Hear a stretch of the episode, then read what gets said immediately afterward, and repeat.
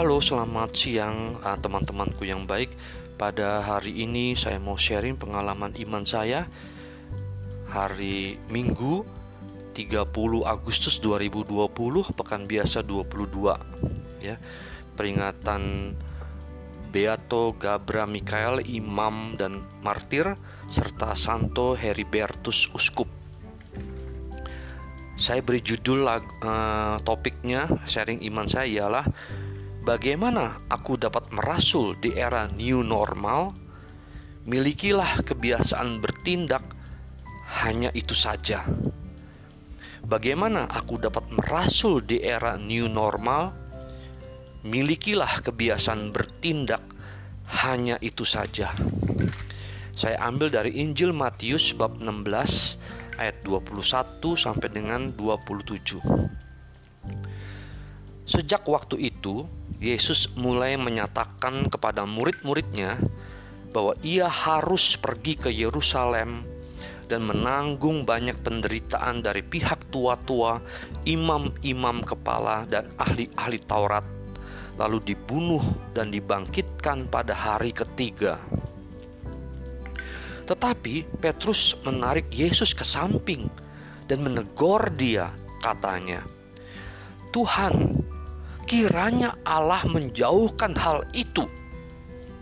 Hal itu sekali-kali takkan menimpa engkau. Maka Yesus berpaling dan berkata kepada Petrus, "Nyahlah iblis, engkau suatu batu sandungan bagiku, sebab engkau bukan memikirkan apa yang dipikirkan Allah, melainkan apa yang dipikirkan manusia."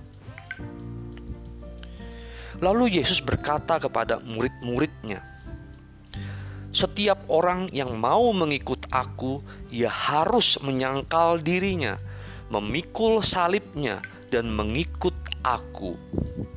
Karena barang siapa mau menyelamatkan nyawanya, ia akan kehilangan nyawanya. Tetapi barang siapa kehilangan nyawanya karena aku, ia akan memperolehnya. Apa gunanya seorang memperoleh seluruh dunia? tetapi kehilangan nyawanya? Dan apakah yang dapat diberikannya sebagai ganti nyawanya? Sebab anak manusia akan datang dalam kemuliaan Bapaknya diiringi malaikat-malaikatnya.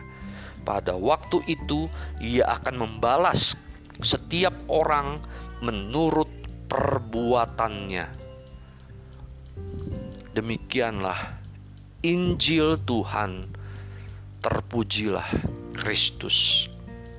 Teman-temanku yang baik, ini menarik sekali menurut aku ya. Hari ini minggu ini ya, untungnya aku tetap merapel refleksi imanku hari Minggu juga tanggal 30 Agustus 2020 ini.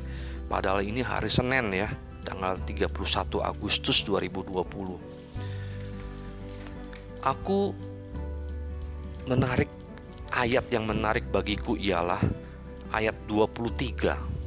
Maka Yesus berpaling dan berkata kepada Petrus, Nyalah iblis, engkau suatu batu sandungan bagiku, sebab engkau bukan memikirkan apa yang dipikirkan Allah, melainkan apa yang dipikirkan manusia.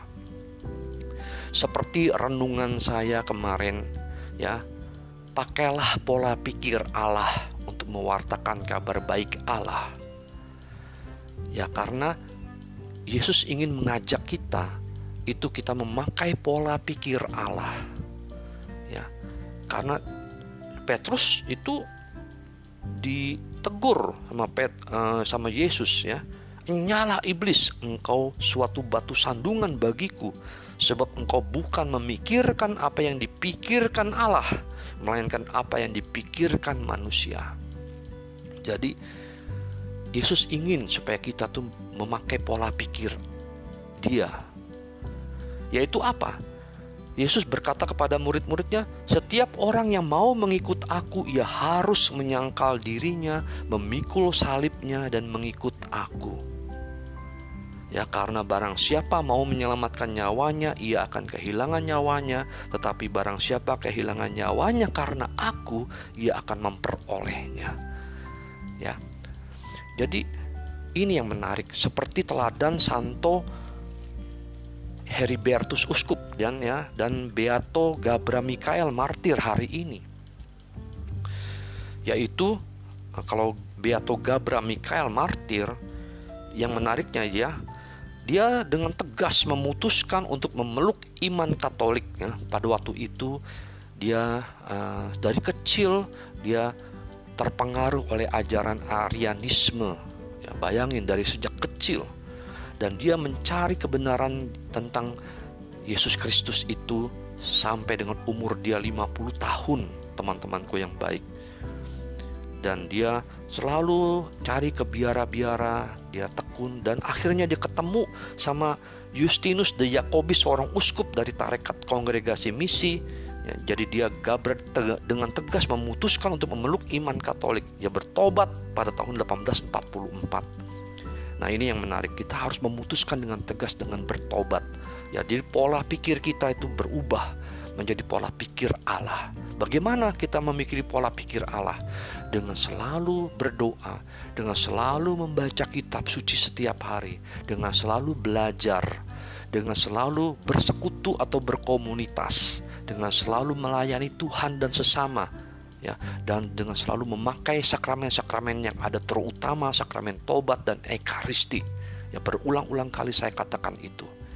Ya, dengan mengikuti misa kudus live streaming. Itu teman-temanku yang baik ya di sini, tujuh tahun kemudian 1851 Justinus menahbiskan dia menjadi imam. Bersama Uskup Justinus Gabra giat mengajar agama dan membangun sebuah kolese untuk mendidik anak-anak Ethiopia. Ia juga menulis sebuah buku katekismus dalam bahasa Ethiopia ya karena Gabra ini orang Afrika ya di, di bagian Ethiopia ya. Atas restu Uskup Justinus ia pun mendirikan sebuah seminari untuk mendidik calon-calon imam pribumi di Ethiopia. Jadi pertama-tama dia bertobat, dia berubah dulu pola pikirnya, pola pikir Allah. Ya karena dia selalu setiap hari dia lakukan tadi kebiasaan-kebiasaan utama yang baik. Contohnya lagi, Santo Heribertus Uskup Heribertus ini memanfaatkan kedudukannya sebagai penasehat pribadi raja dan sebagai imam untuk menunjukkan cinta kasih Allah kepada orang banyak ya. Bersama Otto III ya, ia raja ya, ia mendirikan gereja dan biara di kota Deutsch sebelah kota Rhein atas tanggungan kerajaan. Ia dengan giat merawat orang-orang sakit dan memperhatikan nasihat orang-orang miskin sebagian besar pendapatannya dibagi baik untuk kepentingan gereja maupun untuk kepentingan aksi-aksi sosial. Ia sendiri hidup dari sisa uang yang diterimanya dari raja. Ia juga mendermakan sebagian dari pendapatannya kepada imam-imamnya yang mengalami kesulitan keuangan. Ya. Ini yang menarik. Bahkan di dalam hidupnya ya dia sudah tidak lagi menjabat sebagai penasehat raja, ya, dia melakukan ini. Dalam khotbah-khotbahnya ia mengimbau agar umat bertobat dan percaya kepada kerahiman Allah. Ya, bertobat jadi pola pikirnya berubah ya dan dia percaya, diajak percaya kepada kerahiman Allah. Ia mengadakan kunjungan-kunjungan pastoral kepada imam-imamnya dan menggalakkan pembinaan rohani untuk meneguhkan mereka dalam panggilan dan karya mereka. Nah, itu teman-temanku. Jadi sekarang ini masa kita juga pentingnya merasul teman-temanku. Ya, bagaimana aku dapat merasul di era new normal?